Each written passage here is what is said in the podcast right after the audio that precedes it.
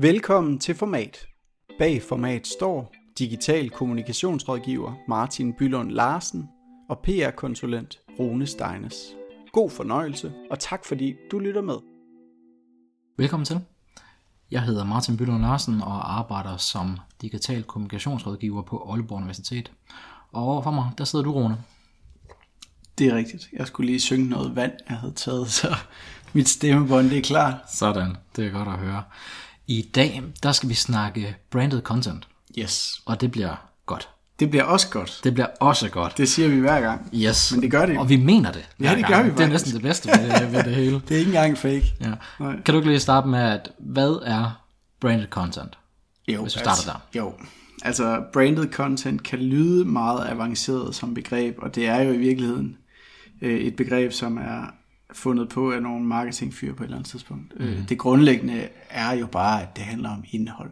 Ja. Content betyder indhold, og grundlæggende handler det om den gode historie. Man kan så sige, at det, der ligger i branded content, det er, at du som virksomhed fortæller din gode historie på en eller anden måde, så det er branded. Så det vil sige, at det er betalt, og det er købt via en tv-station, eller influencers, eller et andet sted, som så ligesom formidler din historie og din historie. Ja, så når vi snakker branded content, så har der været noget budget involveret. Ja, Ja, det er ikke bare det at udgive en artikel på egen hjemmeside. nej, så er det bare indhold, kan man sige. Ja. Branded content, det er jo en samlebetegnelse, hvor der ligger en masse, masse ting under, men grundlæggende er det, at der er stort fokus på indhold, og at det jo så er, er købt på en eller anden måde. Yes. Og hvordan er I gået i gang med at arbejde med branded content hos Louis Nielsen? Vi har haft et samarbejde, og kommer også til at, at have et samarbejde med TV2, mm-hmm. hvor vi har kørt nogle annoncørbetalte artikler. Det er jo bare oversættelsen af branded content i virkeligheden, ikke? Øh, hvor vi så har haft stor fokus på ligesom at finde nogle kernefortællinger inden for øjensundhed og inden for briller og kontaktlinser. En vigtig ting med branded content er jo, at frem for at beskrive øh, produktet, som Gillette gjorde, da de sagde, the best a man can get, så begynder man mere at beskrive historien omkring brandet, og hvad kan vi hjælpe dig med øh, i dit liv. Så det centrerer sig mere omkring hele narrativet, og omkring menneskene, end det egentlig er, er fokus på produktet. Ja. Nu har vi, vi har tidligere i den her podcast talt omkring advertorials. Ja. Ser du et skæld mellem branded content og så advertorials? Jeg vil næsten sige, at advertorials kunne gå ind under branded content. Det kommer selvfølgelig an på, hvordan de advertorials de bliver til. For mig er branded content øh, ofte, når du går ind og samarbejder med en anden partner. Øhm, og ofte så er advertorials bare sådan i citationstegn betalt øh, redaktionelle annoncer, hvis du kan sige det sådan. Ikke? Så det vil sige, vi laver en tekst, som Louis Nielsen har købt plads til den, og sender den til avisen, eller online, eller hvor det nu kunne være. Ja, så branded content er et lidt større, lidt mere øh, fremadskuende samarbejde eller et eller andet den stil. Ja, det er et samarbejde, det er et partnerskab i højere grad end, end advertorialen er. Ja. Øhm, fortæl lidt mere omkring de her artikler i, i samarbejde med, med, med TV2. Hvad, hvad, hvordan har de grebet det an? Vi har grebet det an ud fra nogle udgangspunkter for, jamen, hvad, hvad, hvor mener vi, at vi er relevante i vores kunders eller potentielle kunders liv. Og ud fra det har vi så i samarbejde med TV2 og deres øh, branded content afdeling, de har en hel afdeling for det, øh, lavet x antal artikler, altså, hvor vi ligesom har ramt ned i nogle emner, som er, som er relevante, dels for TV2's brugere og for det sted, de er i livet, øh, men også for os. Og sådan helt konkret, så er det jo en øh, artikel, som bliver, bliver til via journalister i samarbejde med os, men via TV2's journalister.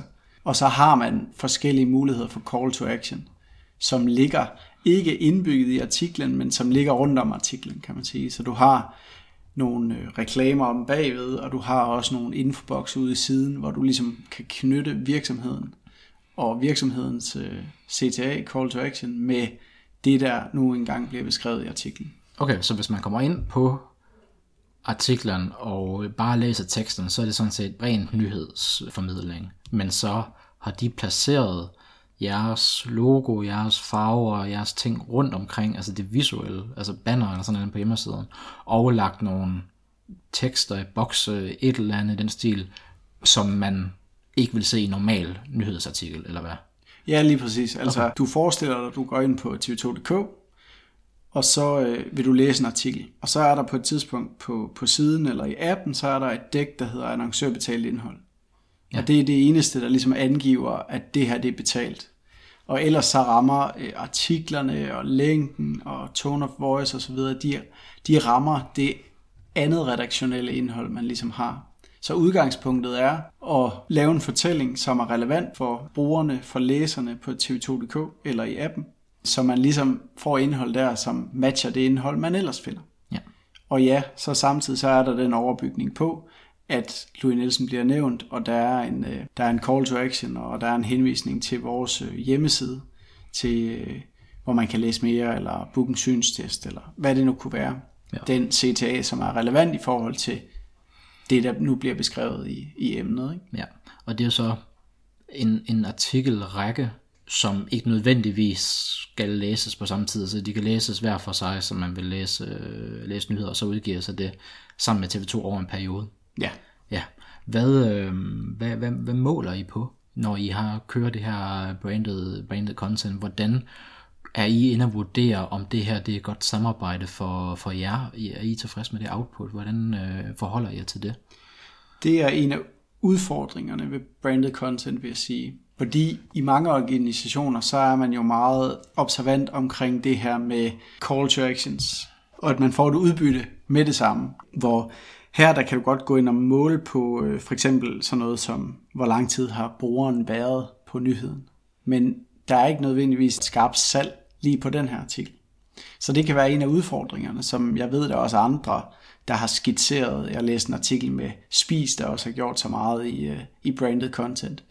Og det er også noget af det, de nævner. Altså det her sådan clash mellem salg og den her disciplin, der sådan ligger mere over ved PR. Altså det her autentiske storytelling, der ja, er omkring brandet. Der er jo også forskel, for altså, hvis jeg skal bruge mine ord for det, altså der er forskel på metrics, det er at generere kliks og visninger og tid brugt på en eller anden øh, hjemmeside, og så det at være et, et brand, fordi branding er jo ikke en aktivitet, det er jo resultatet af en række aktiviteter, Klart. så at sige. Ja, og det, ja, ja, og man kan sige, det er jo så den her i sammenhæng lille branded content indsats for os, der er der op til, at når vi laver årlige målinger på kendskab til brandet, hvad forbinder de os med, så skulle vi jo gerne kunne se stigningen, for det laver vi også øh, løbende. Ja. Og årligt en vurdering af, hvor ligger vores brand henne. Ja, så i jeres vurdering, så kan I godt anslå, eller et eller andet med, at det her, det, det kan på en eller anden måde spores tilbage til samarbejdet med, med, med TV2, eller er det bare sådan det helt overordnede? Vi har gjort de her aktiviteter i år, vi kan se, at vi er gået op, så det må være, at nogle af vores nye aktiviteter har bidraget til det.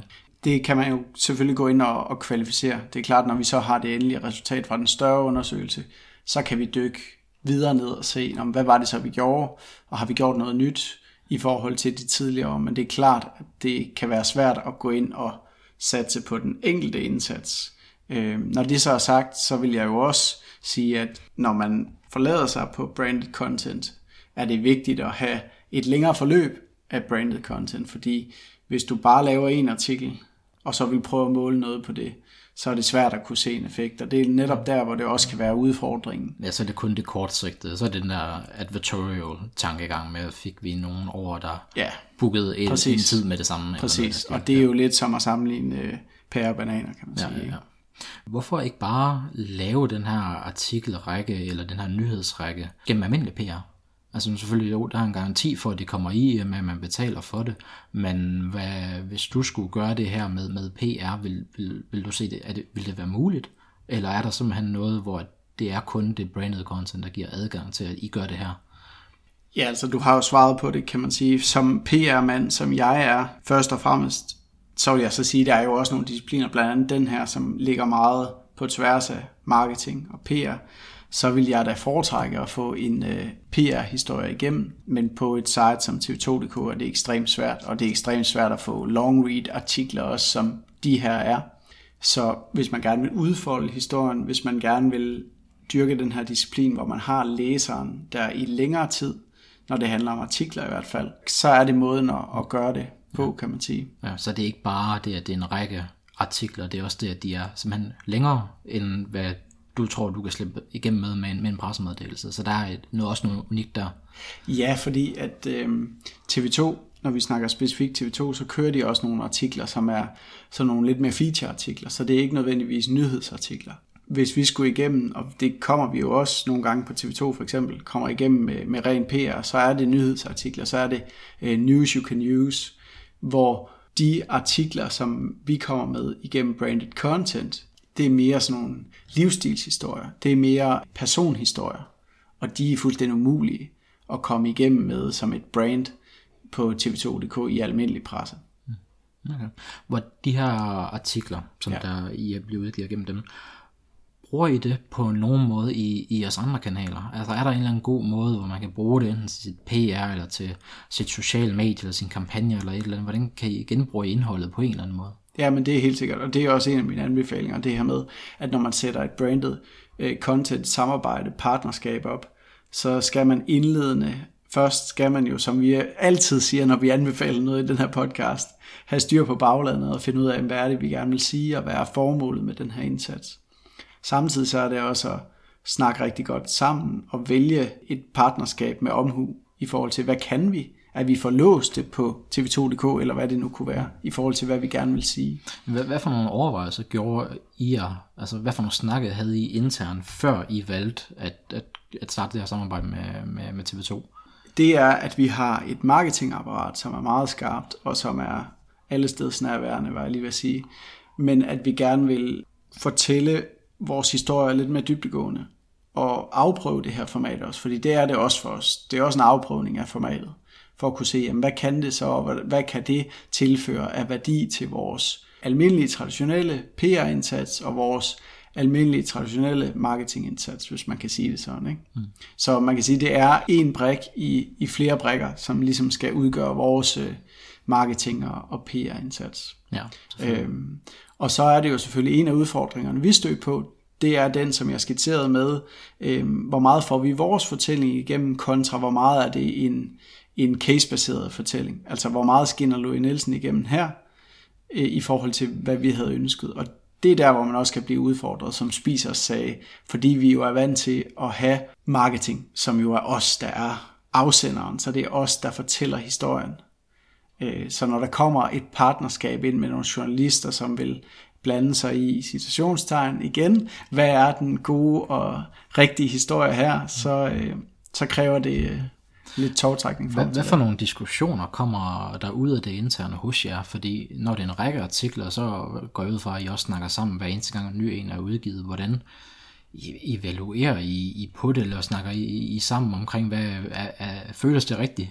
Både for marketing og for, for PR og for, og for den gode fortælling. Hvad, hvordan griber I det an? Jeg tror, det er en blanding mellem selvfølgelig, føles det rigtigt? Øh, var det det her, vi gerne ville? Men samtidig jo også at kigge på de tal, vi trods alt har og vi har også været fokuseret på at have call to action.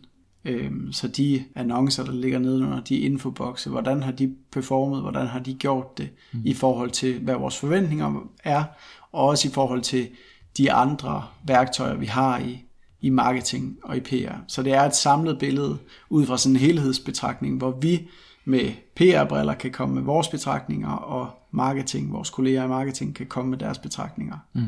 Og så er det ud fra den helhed at vi så vurderer, hvordan skal de næste artikler i serien udvikles. Ja, og det er selvfølgelig et samarbejde, I er i gang med, så I er heller ikke helt på den anden side.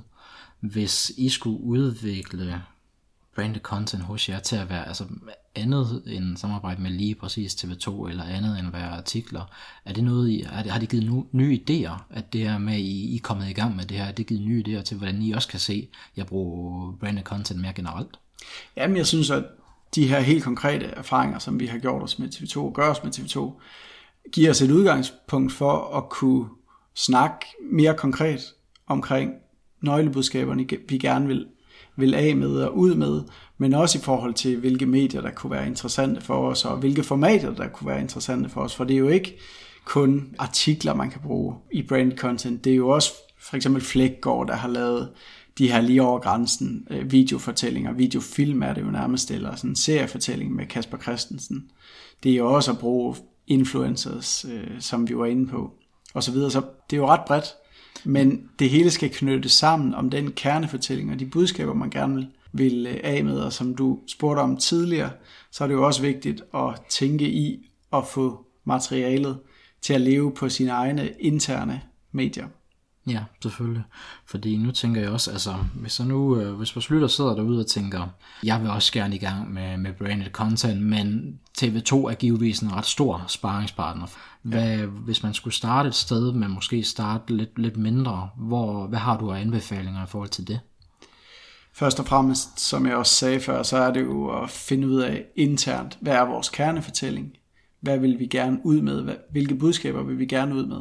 Og ud fra det, kan man så komme tættere på, hvem kunne være en samarbejdspartner, for os samarbejdspartner lyder også så stort. Mm. Så det kunne være influencers for eksempel. Der er mange virksomheder, som har stor succes med brugen af influencers, øh, som jo har en ret skarp call to action, men som samtidig også kan bygge et univers op, hvor du måske ejer noget af dit eget content på din egen hjemmeside eller egen platforme, men kan række videre ud ved så at at lave branded content via influencers. Ja, fordi altså, en af de ting, som jeg synes er spændende ved branded content, det er det der med at lave noget indhold, som har ikke nyhedsværdi, men som er aktuelt øh, over en længere periode, mm. i stedet for at det, det er bundet op på, på, på en nyhed, så det her med, at enten det er en influencer eller en artikel, nu nævner du selv feature-artikler og, ja. og long read, som er Præcis. noget, som også er relevant tre måneder, tre måneder senere. Ja. Skal jeg kommentere på det?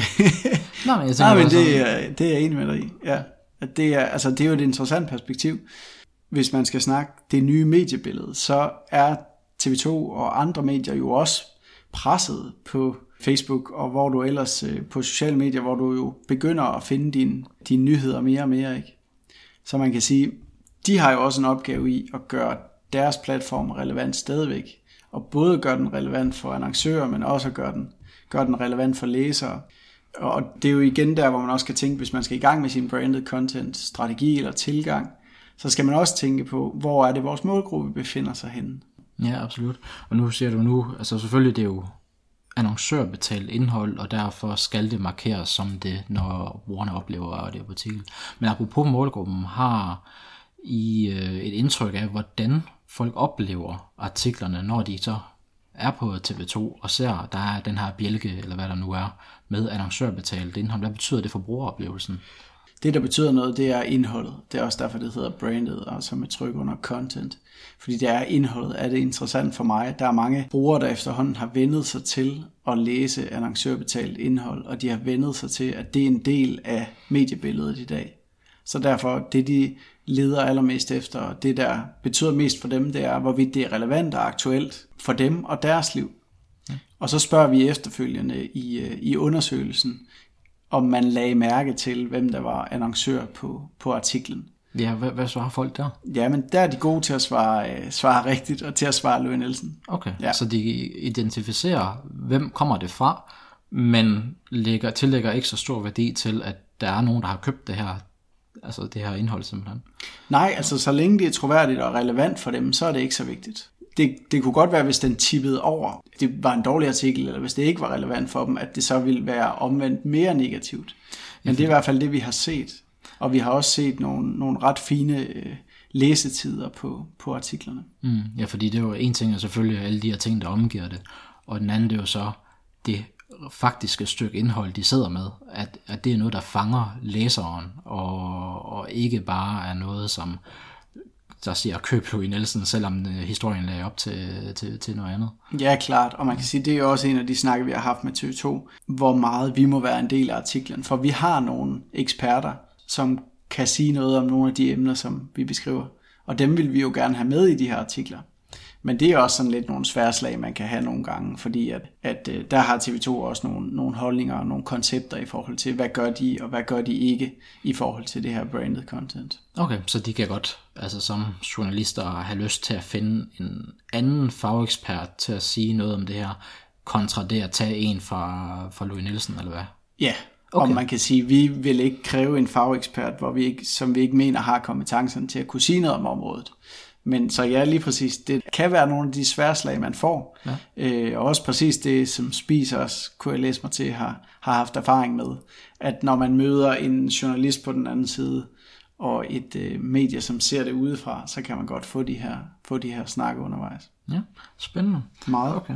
Så hvis vi skal begynde at gå over i, hvis du skal give nogle tips til, okay, en, hvis vores lytter vil i gang med branding content, hvis de er i gang med at undersøge, hvad kan det her gøre for dem? Selvfølgelig styr på baglandet først, det er altid der, vi, øh, vi starter. Ja. men, øh, men hvad så efter, hvad så efter det? Hvordan tror man, man kan finde, hvordan kan man følge nogen på hånden og finde et godt match i, i det her?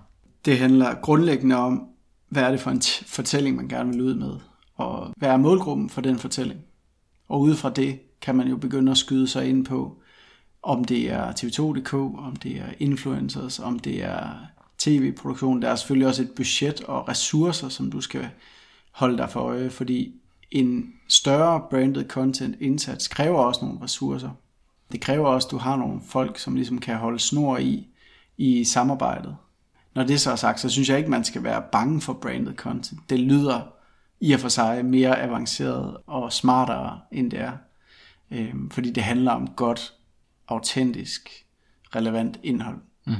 Og samtidig vil jeg jo så også sige, at man får muligheden, og det er jo en af fordelene, man får muligheden for at få historier fortalt. Man får muligheden for at være på en platform, være på et medie, komme ud til nogle læsere, som du ellers ikke ville få fra din egen louisnielsen.dk, kunne det være i vores øh, tilfælde. Ikke? Mm.